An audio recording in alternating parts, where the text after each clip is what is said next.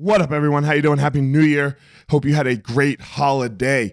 Go over to the website, elliottmarshall.com, and you can find all the information about what's coming up with this Rocky Mountain retreat that we will be doing in March. So head over to the website, elliottmarshall.com. All information will be there so that you can sign up early and get yourself a spot. What's up, guys? This is former UFC fighter Elliot Marshall, and you are listening to The Blueprint. I believe that there's a blueprint of how the most successful people structure their lives. They don't all do it the same, they don't all do the same things. And on this podcast, you're going to hear inspirations, motivations, and stories about how they go through their life.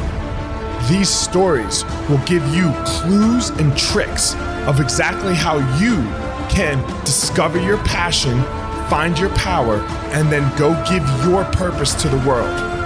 Thank you so much for listening. Let's jump into this week's episode. Man, this episode of the podcast is with one of my favorite employees at the UFC, uh, Brendan Fitzgerald. Brendan randomly came up to me when I, I didn't know him backstage at a fight and said hello. And then we started talking, and now we've built this friendship. So the podcast, how he got into journalism, one, and then two, man, this this growth journey, this personal growth journey that he has been on for the past seven, eight years or so. So it was a really great conversation. I hope you enjoy it as listening to it as much as I enjoyed doing it. Without further ado, here we go. Brendan Fitzgerald.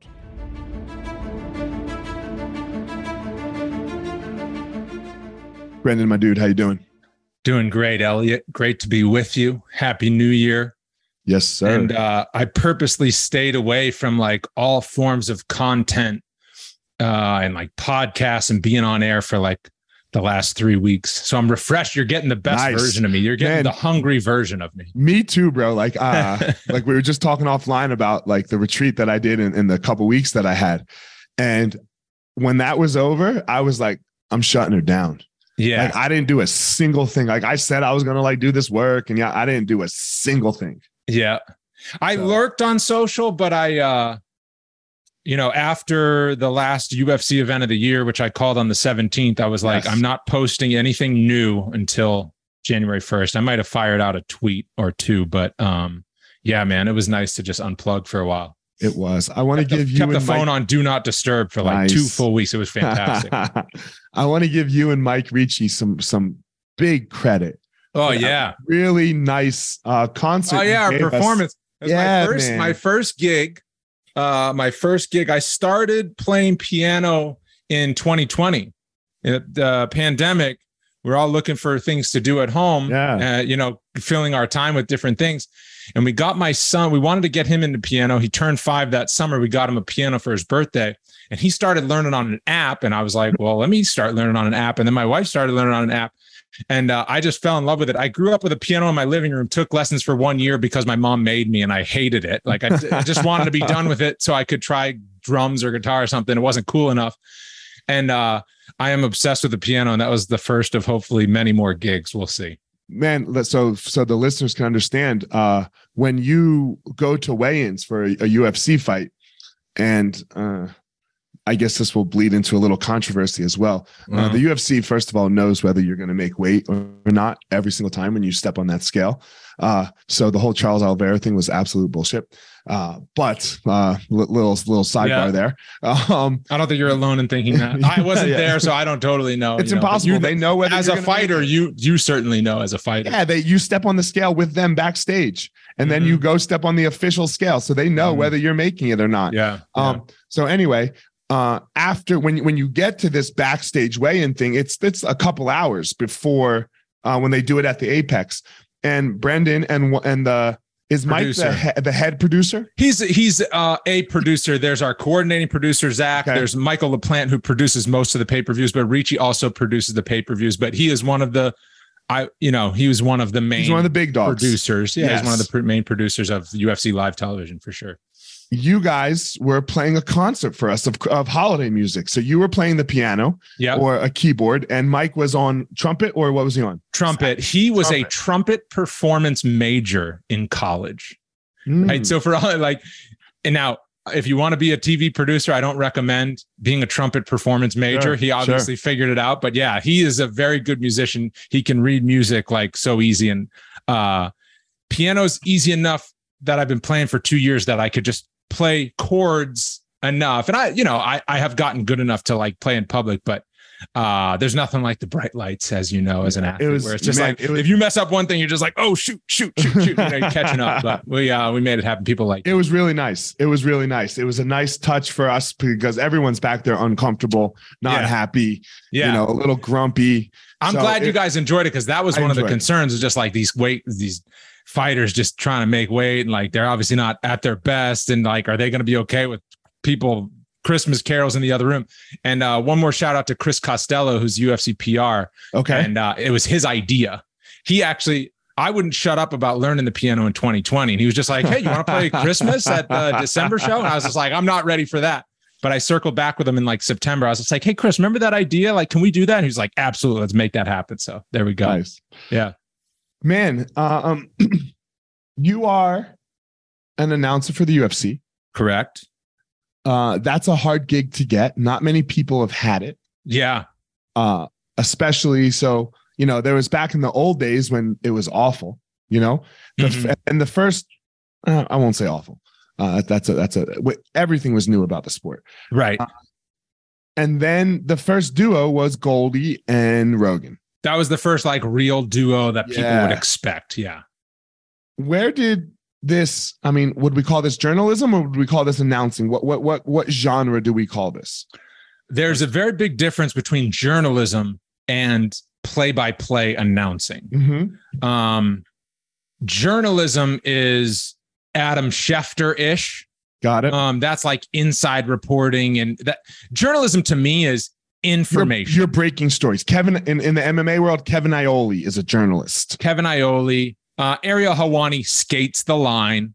Um, he's not pure journalism, but he does Blake plenty of break plenty of stories. I would say Brett Okamoto is like Yes. the guy who breaks a lot of stories, a lot of information, and, and there's the lines are muddied more than ever because of just the way content works. But um, and I'm by the way, I'm a big Brett Okamoto fan. I saw him after Drew's fight, and he was just like he wasn't working. He was just like there a little bit. yeah, yeah, And man, he was super cool. And I always that's find great. I always find I always get the most out of people or like think the most of people when they're not working and they're cool Yeah. to you. Yeah, Right. Because when they're Yeah. working, of course, like especially for the UFC or doing their job, of course they're going to be cool to you. Present it, it's professional, yeah. right? Man, he was the man. Anyway, sorry. Yeah. Um, so, anyways, my job now is announcer, play by play announcer. Right. And it's very different being in the UFC because of the nature of the sport. So, you could even say that Joe Buck is more journalist than me as a football announcer because he works for ESPN and he is not uh, an employee of the team. He is not an employee of the NFL. So obviously they want to have a good relationship with the right with the entity that they're covering. hmm But I was told very early on, and this is no secret, I am promotion, not journalism. I work for the fight promotion. I work for the UFC. Your job is to pump the UFC. I mean, my job is to serve the sport in, in a good way, uh, Right. call the fights, bring energy, whatever. But I'm not, I'm not breaking stories because I know a lot of the fights before they're announced. And like I'm privy to all this inside information. Now, if I wanted to break stories, I could break stories all over the place, you know, until Right. I did it once. And then my boss would be like, not your job. Right. You know, there's like, you know, so uh yeah, announcing as a play-by-play announcer in large part, I wouldn't really look at it as journalism, especially in my role with the sport and the company and the way that MMA is just uh the, the way that MMA operates, UFC and beyond.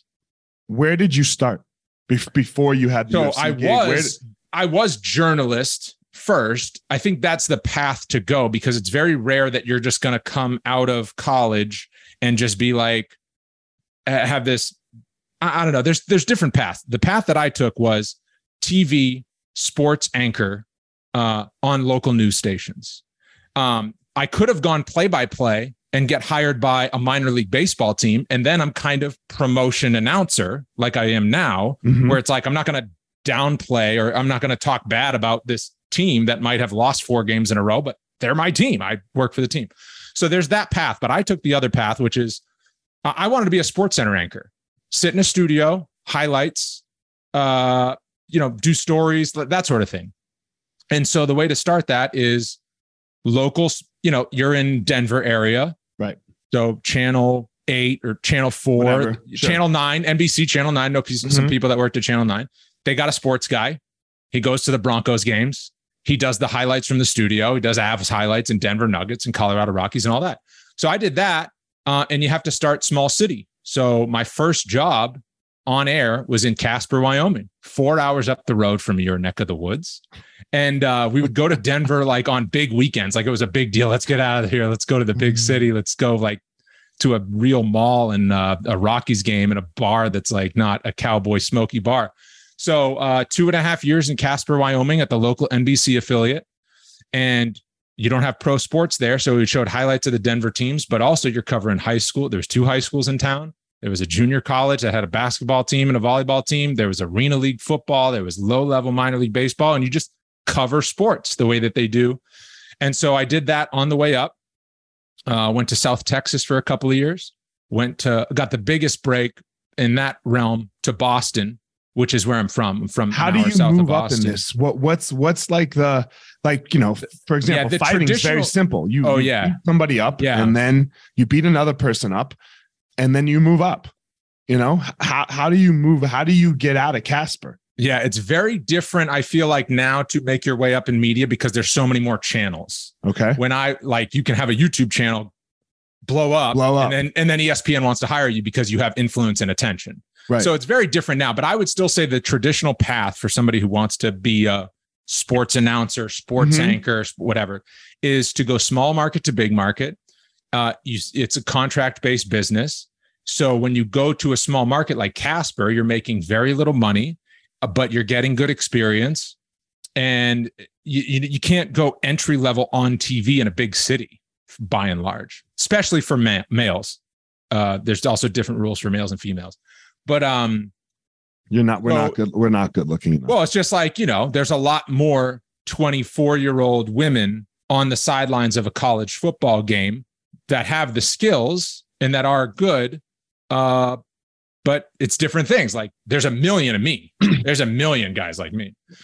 And on so the flip just, side though, there's very few women in the broadcast booth very few That's, women in the broadcast booth and then also eh, you know if they want to start fam they, they have to make certain choices you yeah. know it's, it's yeah. just a different arc like they can yep. spike be up top for longer males tend to have to climb longer but right. then there's trades there's trade-offs for yep. all of this so sure.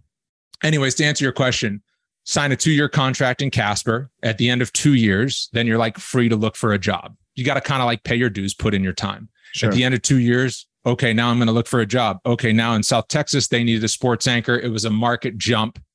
Uh, you know, to, a bigger they, market is what you're yeah, saying. they number the cities. Cas- there's 210 media markets. There was back when I was there. Casper's 197. Got it. Uh, then the where I was in Texas, like Brownsville area was like 87. Got 90, it. Whatever. Okay. You know? Yeah. And like every market kind of has a ranking. New right. York is one, LA is one. two, Chicago's right. three. Right. So, right. um, so I go from South Texas to Boston to do the same thing, local news, uh, sports guy, local news. But then I'm covering my teams. That was huge. And then uh, I thought I'd be there for a long time, uh, but it just wasn't doing it for me in terms of the job. Like I was home and my family was there and stuff, but the, I didn't like the job as much as I thought I would. I thought I'd be the 30, 40 year guy. I'm there until I'm 65. I've covered the Red Sox for 40 years, whatever but it was just so formulaic. It was the same thing. It was like April, Red Sox opening day, summer, Red Sox, Patriots training camp starts, then the Patriots season, then the winter sports start, playoffs here. It was like the same thing, though. You couldn't go in depth because you only had three or four minutes every newscast. Uh, so it's very surface level covering of sports. And I really liked it. But after a couple of years of that, I was like, there's got to be something more. Why can't I go network? ESPN was always the dream. Now I'm on the cusp of it. I'm in Boston. That's the next step. Worked for ESPNU that was my first sports network job where you're at a place where everyone's talking sports. And I was doing mostly highlight shows uh, of college football and college basketball games. And then I got laid off in 2017 in April. There was a bunch of ESPN layoffs. And uh, summer of 2017, three months after my layoff, Dana White's contender series started. So I got laid off as the UFC was looking for broadcasters for Dana White's Contender Series. I was brought in for an audition along with like 10 other crews of people and whatever. Mhm. And uh, I got the job. Nice. Here we are, man. There you go. Wild, right? You know, uh, I think we talked about this when I was on your podcast. I'm sure I Mhm. talked about it. Uh, I believe in luck and luck and preparation and all all of that. But yeah, like you know, uh, it's it's the luck that your hard work actually pays off. Yeah. You know that that's you know that Yeah. that's You do, you do definitely need a bit of luck and some will call it timing, some will call it luck, whatever you want to call it. Um, I, I think that one of the biggest pr- reasons why I had success after the ESPN layoff was how I was thinking at the time, because there were people in that layoff. Uh, there were like a hundred on-air people that got let go, and then there was even some behind-the-scenes people. And I know some people were just like devastated. They're just like, oh, they had been with the company for a long time, and they were just like really destroyed by it. And for me, the worst part of the layoff was the three months before because it was a big layoff round that was being rumored already. Richard Deitsch covered sports media for Sports Illustrated back then, Uh-huh. he was writing about these upcoming layoffs for like three months. So, like every week, it seemed like there was a new blog post, and I would see it and I would think about it and I would worry about it from like February through March. And then, like, I remember April 26th was the day and i was just it was dominating my thinking because i was just like this this is bad. I mean you know i don't know if i'm going to get laid off but i'm definitely on the cut because of how the business is changing. Like i never thought i'm not doing good enough. It was just like people are cutting cable people are Mhm. streaming more. Our network and shows aren't really built for the for the new landscape. And uh but when i did get laid off it was like this huge sense of relief. And it was like okay now i can go chase what's next and i'm not dead and we're fine and i'm going to be fine. I'm i can get gainfully employed in different areas. I, I will be fine and so let's go see what's next. And i was excited about it. And i think that really mattered. Very interesting that the first time that I was released from the UFC, uh, I was the first way. I was like, oh my god, oh my, I was like, oh fuck, oh fuck, Mhm. you know, i was that way for a day. Yeah. you know And then the second time when my career actually ended, I was like, okay, let's go. Like I actually looked at the the building that the our Denver school was in. I looked Mhm. at that building three days later, yeah three days after my last fight. So uh, I, it, it's it's very interesting that mindset of uh, the difference in mindsets. Yeah, that's a- right around the time too when I started like reading books on personal development, self help, listening to Jim Rohn, and like trying to journal a little bit and what you know, like that space, right? I was always like, I'm the guy who eats wings and drinks beer at the sports bar. And that was when I was like transitioning, I think because I had a son in 2015. So I was just like, I'm like a dad now. Like I, uh, there's more to it than this. Th- th- There's more to it. Like, like it's not about like, let me just wait till Friday until I can get hammered and then just deal with the weekend and watch sports and talk nothing about sports and be the cynical sports fan that has a sarcastic line. Like I was that guy. And uh, that's when I started shifting. It wasn't immediate, but I was just like, oh, like all of these football coach sound bites that I'm rolling my eyes at and saying they're boring. That's how you become successful. Like when Nick Saban says it's all about the process, and you're like, ah, that's boring. Give me like Rex Ryan yelling at some reporter or something. It's like, no, no, no.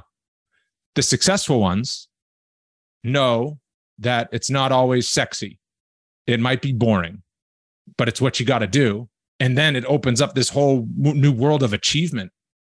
And so I just got so excited by that. What do you think was the what? What do you think triggered it? Was it your son? Yeah, kind of. Um, because in our case, and in a lot of people's cases, but um, in our case, especially because my job as an on-air person is like, there's a lot of work from home. There's a lot more work from home than you would think, especially now for me in the pandemic and a lot of these events in Las Vegas. But when I was a studio guy at ESPNU, I would have shows where I had to like go in and host things three days a week, maybe four days a week. And then like they'd give you a pre, and, but sometimes they were long days. Sometimes like you do 10 hours of like halftime shows and highlight shows, sometimes even like 12, 13 hours on a college football Saturday. So then you're going in three days a week, maybe three and a half days a week type of thing. So it was a lot of time at home, which is good. Uh, but also like still need something to do, baby sleep. And what it's not about going out. It's not about playing golf as much and whatever. So it was like, all right, what am, what am I going to fill my time with? And, uh, I think I just like read a couple of strategic books early, like, um, had read some blogs. Like I already liked James Clear. I think James Clear was already like kind of writing his blog back then and stuff. And uh, I read a book called The Practicing Mind. Uh, I have it on like my Apple books, but I don't have a physical copy. But The Practicing Mind was like this 100 page book that I saw. It's like, this is a good book to read type of thing. And that, and then that was like really this catalyst for like, oh, that made me think a lot differently. I'm excited about what I can accomplish. I'm excited about uh, things that I never really thought of in terms of achievement, in terms of like where I want to go or what I want to do. And then so I started like reading more books like that. And then, you know, it just steamrolls. It's interesting what it does for for you as as a human. I, yes. I find like uh like I, I wonder if Nick Saban, like you know, because you brought him up and he talks about you know about success. I wonder if he calls himself successful. Right. You know, because yeah. like that's just a, that like when you say I'm successful, it it sounds almost like the journey is over. Yeah, it's it, it's like you know? like it's funny like you you want to like chase success like when i'm in casper i'm just like i just want to be a success i want to have a successful career mm-hmm. and then like if it all stopped right now most people would say i'm have been objectively successful right but for me I have never wanted to work more on fun and uh, projects that drive me that uh, I don't need to do, but I view it as the next step and I want to keep chasing it. Whereas yeah. back then, sometimes I kick myself. I'm just like, gosh, I could have learned this like seven years ago. And like, oh, so where would I be now and whatever? Uh, I think it's just part of the process. It depends yeah. on when everyone looks, but what that's why I like when I see kids who are like out of college, like production assistants and stuff, and they're like 22, 23, 24 years old, and they're already reading those books, The Practicing Mind or mm-hmm. 48 Laws. Whatever, whatever like, book they're master. reading. And I'm just like, oh, good. For, keep doing it. Good for you. Like you're, you're like, you're 15, you're 12 years ahead of where I was, mm-hmm. you know? Mm-hmm. And, um, so I just like really applaud. I like to surround myself with kids. Like, you know, also you want to be in good with the, with the executives and the higher ups and the decision makers, but like I get just as much joy as like being around the kids these days who are in their early 20s and mid 20s who are like on their way up in their realm but i can tell are like sharp driven motivated doing the right things i'm they that gives me so much energy too i'm like so happy for them and it's like i feed off of that too. It's it's so interesting this what what what this journey of uh personal like you said personal development personal growth whatever it is it's so funny what what it does and how how you see the world so much differently. Way different. Way, way differently. Some sometimes for me and and not not in a conceited way I, I guess but i mean I i can try not to be conceited in the way i say it. Yeah. uh it's hard for me to be around people that are not on the journey that yeah. are not like pushing and not eh, on just to be better for themselves, not for anyone else. It's, it's I know so interesting. I, I um I struggle with the same thing because you have friends and people that you've been close with for a long time that you still really like, love. You love even, them, yeah. You know, yeah.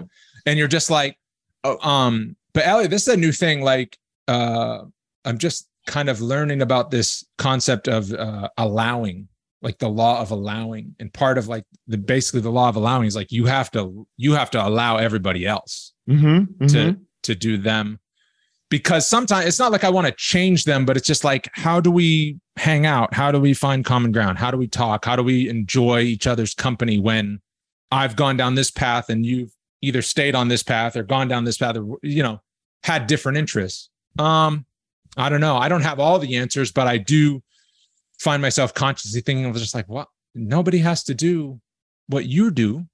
You know, certainly you'll be drawn to other people that are like you and like into the same things, but that's just natural. It was mine changed a little bit when I when I I started to do better with it. When I was actually in a really big fight with my jujitsu teacher and business partner, mm. and you know I was I was very upset with him, and I got a coach, and this coach said to me, he was like, Elliot, no one acts outside their highest value. Right. Like what they value the most. Yes. You have to, you have to, um, it, it is very wise to allow other people to do what gives them joy. Yes. Right. Sometimes because I covered to me, the Red Sox winning the World Series was like the biggest deal in my whole life. And then in 2004, sure. they won it. And it was like, oh my God, it's the best ever. And then in 2007, they won it again. And the Patriots, uh, Boston went on this run where they're winning all these titles. And I yeah, tell like you, my sports anyway. fan, I tell my sports fan friends though, I'm just like, the best day in your life is the day that your favorite team wins the title. The worst day is the day after. it'll after. never, it'll never, ever be as good and as fun. And then just pile it on, pile it on all these titles to the point where I'm just like, all right, the Red Sox, the Red Sox won it every four years for like, you know, 15 sure. years, you know, sure. 18 years. Whatever it and, was. Yeah, exactly. And then also couple that with the fact that when you're in the business like I am, like I covered sports in Boston, like I went into the Red Sox locker room. 12 year old me is like, holy oh cow. Like, what did you do to go to heaven? Because right. that's where you found yourself. But then when you're older and then you see it and you're just like, well, this guy's from Texas. He might be traded next week uh, this guy's from California, and you know, some of them really connect with the city. Plenty of them don't because it's a business to them.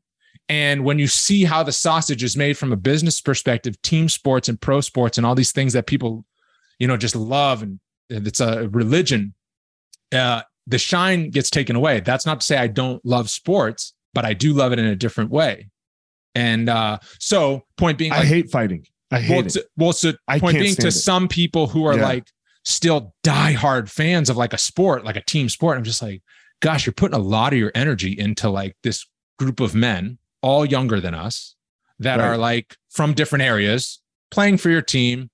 It's their job. The end of the season, they're going to smile before you do after they lose in the playoffs, and on we go. um, but I have to like recognize that like this following of a sport brings them joy, and allow it and right. you know let let them celebrate let what them they want to celebrate yeah. and deal with it you know? Look that that changed it for me. As soon as, as soon as i could be like okay it's not about about my highest value it's his highest value. Mm-hmm. and he's always going to do that as just as i will. Yeah. I'm no different. Right. We just differ on what our highest value is. Correct. And i can't put mine on his. And if i do that this is where all of the the, the tension and the friction will come mm-hmm. so that that that was a that uh you know, I think I did probably, you know, three, I don't know, six months of coaching with this guy, eight months mm-hmm. of coaching. And that was for me. That was the breakthrough. That, that, and that happened on like literally day one. Yeah. You know? Yeah. Sometimes it just sees that and you can read that in a book or you can hear it from somebody else or on a podcast or however you get it. But, um, yeah, those are the good moments. What is the journey like for you? Uh, look you're in this personal like you you are on this path for your life mm-hmm. but you look at a business like the ufc fighting fighting is a very very cutthroat business as yeah. as all pro sports are yeah how does that uh how do you balance the two for you right because like uh what what else? I don't know what else to say other than yeah. Fighting. Well, I, I will say the dirtiest um, whore in the business. Like I don't think there's any dirtier whore than fighting. And look, I'm not trashing Dana White or the UFC. I'm not saying that. It is just the nature of fighting. Boxing is this way. Every fighting sport has always been this way. It's a hard balance. Yeah, I'll say this, and and building on what I just said about like I don't have the passion for the Boston teams like I used to, or any pro team, and I never will probably unless my son becomes this huge fan and we get into it together type of thing. But I'll always not like crumble when a team loses. I just laugh it off and whatever. Uh, I'm in it more for the story. Like I'd rather have my team lose an incredible game than to have them win by 40 points. Sure. It's like, okay. what are we here for? This is entertainment. But fighting, I, I haven't lost that with fighting. I've been covering fight, and that's why I think I love it so much. And that, I was very gripped by it right away because it's just very raw. Uh, the same way that you're not going to look away when two people fight in a parking lot. Like it's just this real thing. It's as old as time in terms of competition, drama. Uh, not that every fight is like the be all end all in terms of exciting, but you're wondering. Um, yeah, you're wondering like, the whole time. Way, I, am not like one of those guys that's like, ah, oh, we're only on the fifth prelim. Like this probably won't be good. I'm just like, what's going to happen here? We don't know. Might be the best moment of the night in the next 30 seconds. Right. And, and our main event might be a clunker. Or we're building up to this main event, which is a huge fight. Look at all these we have in store. If this one wasn't isn't so exciting, guess what? It's over in 15 minutes. Right. So like, and you know, never have to worry about that with Drew Dober. Just gonna say. But uh, Jesus. uh bro, he gives me a heart I can't, attack. I man. can't imagine what that he gives guy's me like a heart coach. attack. Oh, man. Oh man, I love him so much. So I, look, I love him, but oh, we'll talk about it in a second. Go. so uh, I just have been gripped by fighting and calling combat sports in a way that I've never been excited about any other job.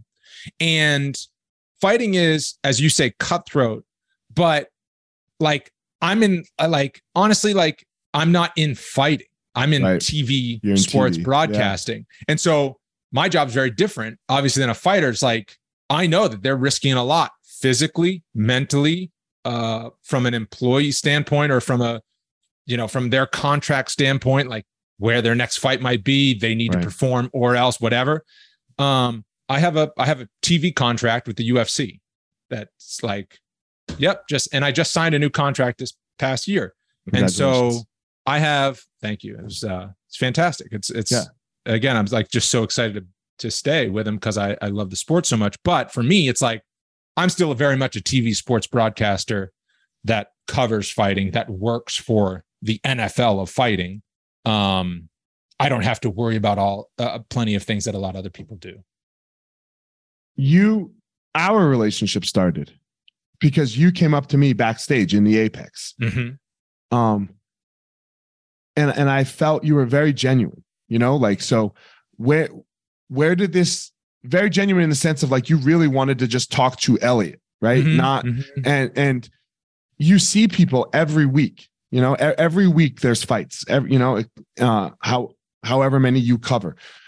Where does that uh I don't know this word gen it's not generosity. Where where does that gen genuine uh, your, Genu- your yeah I, I don't that, know that, that word is either. Yeah, where, genuineness. Where does, yes. Where, where does that come from for you? So this goes back to covering team sports in Boston, where when you're in Casper and South Texas, and when you're in these small markets, and you're still watching your teams on TV, and you're like, gosh, I just love to cover big sports and be at these big events then you go to the big events. And like I said, you go into a Red Sox locker room or Patriots locker room and you're like, you then you see them up close and you go, everyone's a person. We're all just people. Mm-hmm. So this guy's went to University of Michigan. This guy went to Southern California, really good at baseball. Now he's in the league, whatever, right? Mm-hmm. Maybe has a wife, kids. So you start seeing them as people more.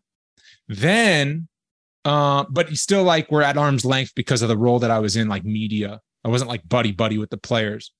Then you go to ESPNU, and now I'm hosting shows. And instead of working with just other broadcasters and reporters, I'm working with analysts at ESPNU. So Kevin Carter was our like analyst for halftime shows. He won a Super Bowl with the Rams. Sure. He played for the Titans. Uh, like all pro defensive lineman, amazing guy, like the best guy ever. So now this guy that I remember who was drafted in the top 10, who won a Super Bowl, who played on the Titans, whatever. Jason Sehorn was another guy that I worked with. So like again, went to a Super Bowl with the Giants. Like he was a you know, white cornerback. That's already a big deal, but also like he was a big name, kind of Hollywood. Mm-hmm. You know, he was married to an actress. So then you even see them more as people. And then I think you're going the wrong way with this. Hold on, let me stop you. I'm a nobody. I'm just some no no some no no no no. But, but, okay, but but my larger point is not they're big they're a big deal, so I want to okay. be genuine to them. My point is sports changed for me from rooting for teams to connecting with people. Got it. So like that's another reason why I love MMA and the UFC so much is because you can pick your people that you really like and you can really like connect with like-minded people and the story mm-hmm. can be built on people i think that's one of the strongest things about ufc the story is built on people and not on logos and laundry teams like guy plays for the Patriots, gets traded, all of a sudden he's wearing a different helmet. Whatever, get out of here. Like, good to have you. I hope you. I hope you're bad now. I hope our team's good and you're bad, and I hope you stink and our player that we got. I used to be great. very neutral about Tampa Bay until they got Tom Brady, and as soon as they got Tom Brady, I fucking hated them. Because I hate, I dislike Tom Brady as a player, right? Like, like t- Tampa Bay even on opposite. Yeah, you're the opposite. I, I right. went, I went Patriots fan for a long time, right? And Patriots, and I love Tom Brady, and I love that he's our quarterback. And then he goes to Tampa, and I'm like, I guess I'm a Bucs fan, right? You know, yeah. um, and so, anyways, to answer your to net, so like one of my great joys is that I get to connect with people and like finding out their story and knowing their story. And it's not about you play for the Red Sox. I hope you can win a lot of games for my team. It's like, man, where did you come from? What was your path? What was your journey? How did that, like the ups and downs of your life? That's interesting to me. And so like uh it's very and fighters have that in spades. And I think fighting is such an intense thing. Yeah. I think part of what the fighting thing does for this is it's so intense that you must build very intense connected relationships and it brings it out naturally because like uh uh for example in this last in Drew Dober's last fight he got destroyed in the first round. Yeah. Right? He got destroyed not in a way that he was going to get knocked out, right? But in a way that like you were like how is he going to win this fight? Yeah. right. Yeah. And he sits down in the corner. He realizes it too. He looks at, at me and Oscar dead in the eye and goes, Tell me what to do differently. Yeah. Right. Yeah. Like, yeah. Tell me what to do. Yeah. Like, what am I doing? I, because what I'm doing ain't working. He realized it. But the only way that that question comes from him and then we can give him advice and then he can go listen to it is if that connection between on the human level, mm-hmm. in my opinion, is there. Mm-hmm. You know, I've cornered people that uh, that I didn't have any connection with barely. Yeah. Right. They just asked me to corner them at a local fight. And like, you know, they're my friend's friends. So I said yes, mm-hmm. you know, early in my career of coaching. And I tell him what to do in the corner. I look at him. I was like, do you know what you're going to do? And he goes, yeah, I'm going to fuck him up. I was like, word, you go fuck him up. Right. Because like he did, he listened to nothing of what I said because uh-huh. we had no real connection. Yeah. I mean, there's like, you know, 30 things that I could list as to why I, you know, like you called me genuine and like why I think I jive with this job and this role so much. But, you know, the the the the individual sport of it, the intensity of fighting. And then another thing is too, I get into personal development, reading books and that whole genre of things. And I really enjoy it. And I'm like gripped by it. Um, and then you go to martial arts where it's very clear, like, like you're in this space and then also, like, even if fighters don't have a podcast or whatever, it's just like fighters in particular, or I guess it's just more out there because of the nature of the sport. They are obsessed with 1% better. They're obsessed with what can I do next? What's my next step in the journey? How do I evolve? Um, and then also like the martial arts code of like how many fighters are just like, yep, I I stopped drinking because class is early and I want to feel great tomorrow. So I don't do that. And I, you know, um, it's not like everybody's like that, but I connected and admired so many martial artists, mixed martial artists, fighters, whatever you want to call them, because that element in their lives is very clear. Sometimes, like I'll talk to a fighter and it's like, it's like, all right, so what did you focus on for this camp? Or like, what thing are you working on? And then just be like, you know, if it ain't broke, don't fix it. I found my system, and, and like, it's not like I'm gonna downgrade their skill and ability and what they're putting on the line. But I'm just like, hmm, that's not really like, that's not, that's not what the great ones say. Right. You know? And so, um, you know, with you, I already knew that you were like kind of the process and the next step and how do I level up and how do I help other people level up. And so, uh, those are the people I enjoy the most, gravitate yeah. toward the most. And there's, pre- a, and there's just, there's a lot of, there's a lot of them. It's, it's, you, you, yeah. Which is why our sport is so connected, right? Like it's like, you know, there's there's the fighting and there's the trash talk and there's the bickering, but there is just this inherent respect in this circle that sure. I'm not in. I'm not in, but I am. But you see it though. You I see, it. You, I'm adjacent you, you to, to it. I'm inside, yeah. but I'm not like, you know, I don't have four ounce gloves on. But for sure. Two questions that I, I really uh, ask people as I like to end the podcast. Um, one, uh, why did you say yes to this? Now, look, I know you, I know we're friends, right? Like, and, and, and I came on yours and we said we would swap, but like, you know, I'm not Joe Rogan. You know, I'm not, I don't have a massive podcast. I'm not Helwani, you know, and, and things like that. So, and we all have limited time. Mm-hmm. Right. There, there's a limited time that anybody can do anything. We're like, look, if Rogan calls and he's like, yo, I need you to fly down to Tex to Austin tomorrow, you're going to make that fucking happen, right? Oh my Because- goodness. I've yeah, told people like Paul Felder, I'm just like, why haven't you been on Rogan yet? I said, if he asked me if I could be on his podcast, I would tell him I could be at the airport in an hour. Right. Yeah. You know, Exactly. like- Because you know what it will do for you, Yeah. right? yeah, Like you know what it will do for you. right. Um, so you know, why take the time out of your day other than like, you know, a, a homie friend? So, um, I mean, it's tough. It's, I always like to say yes. And when I have time to say yes, then I'll do them all. Right. Um, but there's so many, there's a bunch of college kids out there and whatever. Now, during the pandemic, I would do a ton because of we would have to go. Well, we would have to go stay at a hotel the night before, even at the Apex. So even though I'm Right. here in town, I'd have to go down to Courtyard Marriott. So I'd get all these requests or whatever, and then I'd like look at my schedule and be like, "Hey, I can give you 30 minutes or 45 minutes on Saturday morning." Because on the day of the show, I usually kind of have all my prep done, and I'm just like hanging out at this Marriott Courtyard before going to the Apex. sure. Um, but now it's like, yeah, limited time, especially at home. Um, I number one, owed you a favor. Number two, really connect with you in terms of what we like and enjoy and personal development space. So these are the shows that I like to do the most. I don't like to go on shows that are fight previews. Right. Like, hey, can, can we preview the upcoming pay per view? And I'm just like, listen, I don't pick fights, kind of can't pick fights. Um, and also just in the nature of like I have to kind of stay in my lane as a play-by-play guy. I can't be a hot take guy. So by by and large, like I can't say anything interesting about this. Like I can't talk shit about this fighter A or fighter B. And I can't whatever. So I just like to stay away from those. But these ones are the ones I like to do because this is kind of like my podcast, but it's your podcast. Um, it's a new audience, it's a cross-pollination, you know, and uh again really the the the biggest is uh this I knew it was going to be a good conversation. These are the conversations I like to have. I asked that question because I think I, I want the listener and the audience to learn how to say yes to things. Yeah. right? Like you know, because you you have to, you ha- yeah, sure, you have to be uh, particular with their your time, but very few of us are are the Joe Rogans of the world, or you know, like the Gary V's, where you know Yeah. you, you're getting bombarded all the time. Right. You know, so a lot of this, like you know, you have to say yes to things. You have to figure out what's in your lane and how to say yes. You know, I mean, there's And- a lot of yeah, and there's a lot of DMs that I have of people that I used to want to say yes to all of them, like I said, Mhm. and now I just can't.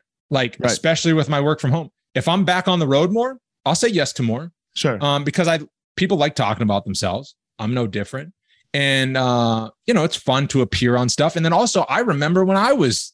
It seems like yesterday I was 23 years old, 24 years old, and I know that if I was in college or just out of college in this day and age, I would have a podcast and a YouTube channel, and I would be trying to fish for guests. I would already do it. I would send emails to people at ESPN and in Boston and whatever, just to say like, "Can I come see you at work? Can I come Mhm. like uh like do you have any advice?" And and now I get those emails and I'm just like, "Gosh, I can't sit here and type an email." That's why like one of the things kind of on my to-do list and I don't know how soon I'll get it done, but maybe 2023 is the year is to write like an ebook. Write like a 40 50 page ebook sell it for like $3 so that when I get all those emails and DMs like, hey, I'm in high school. Do you have any advice on like what I could do? Be like, go. hey man, I wrote a 30 page ebook. It's three bucks just to like for my time, whatever. Right, Like, here you go, man. I, you know, and so because I do love to help and I want to help and I like to appear on things, but like you said, there's not always time. last question. I believe everyone has a unique power for them that Mhm. they go out and give to the world, and then the world gives them something back in return, a superpower. Mm-hmm. You know, Le- like you know, LeBron's basketball. What's your superpower? Um,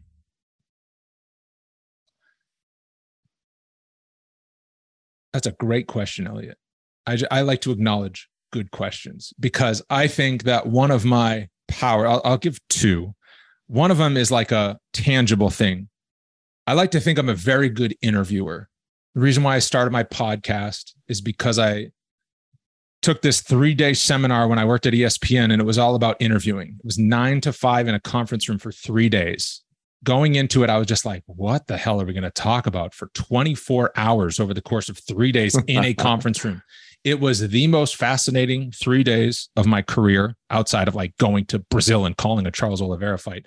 But like, I just That's soaked cool. up so much. It was like incredible in terms of the amount of knowledge, the examples. The guy's name was John Sawatsky. If you listen to my podcast, like I'll shout him out all the time in terms of like the mechanics of a good interview and in the bigger picture, what makes good content with people talking. And so I really took it to heart. Uh, I stayed in touch with him for a few years after that, even though he lived in like a different state and stuff. I would call him and he eventually got laid off by ESPN too. I think he's like retired now. But uh that to me is like so important. That's helped me from a play-by-play standpoint. That helps me when I'm on a desk hosting studio shows. That helps me immensely in a podcast setting. It helps me right now on, as a guest on a podcast. So the input output of content, journalism, interviewing, that sort of thing. The other thing is I uh by and large have just like really focused on positive thinking and good energy, like high energy. Be a person that smiles a lot, be a person that laughs a lot, be a person that provides laughs, helps other people, makes other people feel good. Um, and I think that's a one of my biggest strengths is that you could put me next to Cruz, you could put me next to Bisping, you put me next to Felder, Cormier, all three of them, Chiesa on a desk, whatever, and we're gonna have a good time while doing our jobs. And I, like I'm, I believe I'm particularly good at that lighthearted, but also taking it serious because Drew Dober's in there going through hell. But this is also entertainment. Right. We got to figure out how to marry it all together.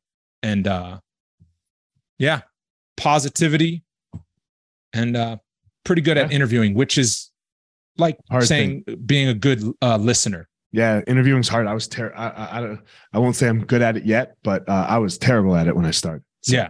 I'm mean, I embarrassed can- by my first hundred. I can become a much better listener at home. But when I'm in the setting with like the headphones on and the microphone and content, I'm a very good listener and interviewer. man. Uh, tell everyone where they can reach you, all that stuff. My podcast is called Fitz Nation. You can find it on audio platforms. You can find it on UFC Fight Pass.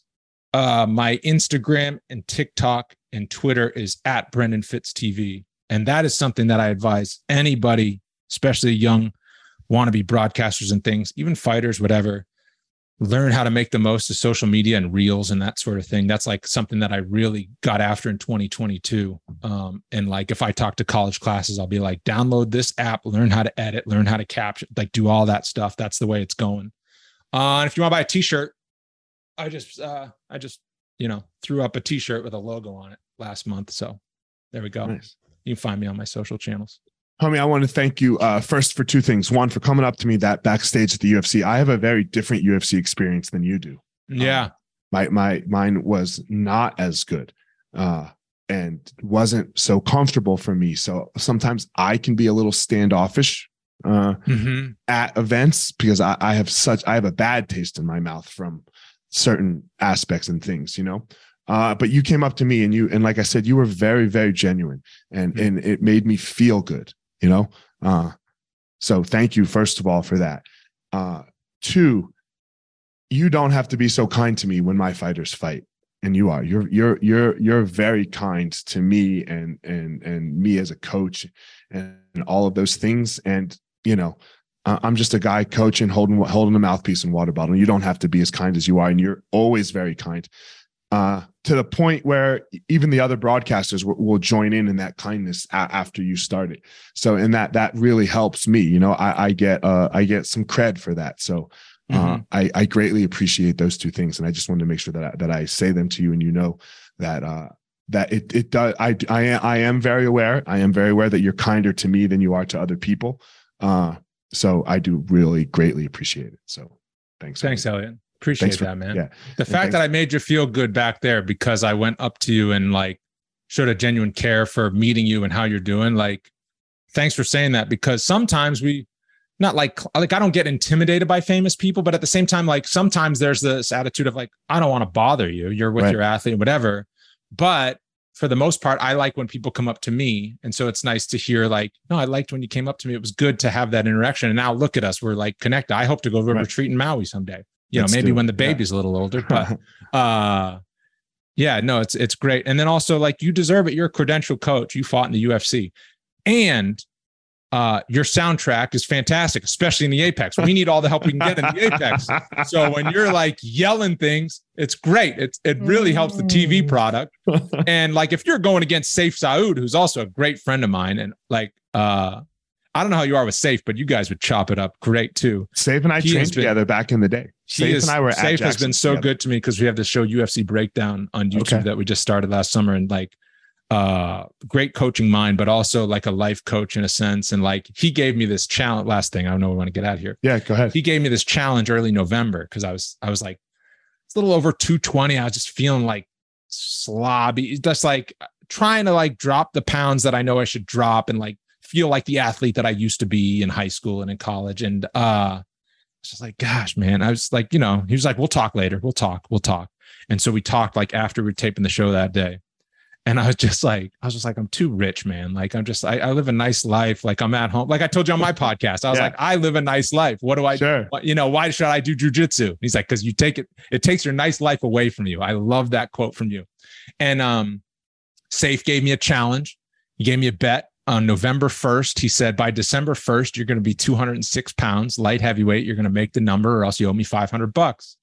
And so I made it before Thanksgiving. I made it in like 22 days. Nice. Now, a bit of a weight cut last three pounds, you know, last Whatever. two, three pounds. But he just was like, you need to see that number on the scale. So now my new one is by January 14th, our fight night to start the year. Saif's going to be there. Uh, I have to be 196. And I woke up at like 206. So I got time. Let's go. do you it. got time. You know, Let's make it happen. I, I figure again, I'll get down to, you know, 200, 199. Water cut. Get a done. Yeah. Done. Uh, to answer your question about why I noticed why why it made me feel good is because uh, I'm a softie. Yeah, there we go. I'm not. I'm not this like you know. I I do sometimes have this hard exterior, and yeah, I was a fighter, and, and you hear me yell and scream in the apex, but deep down inside, I'm soft. So, but all right, man. Appreciate you coming on. You're the man, bro. Uh, and uh, that's it, everyone. As always, don't go out in the world and try to be Brendan. He has his unique and special gift.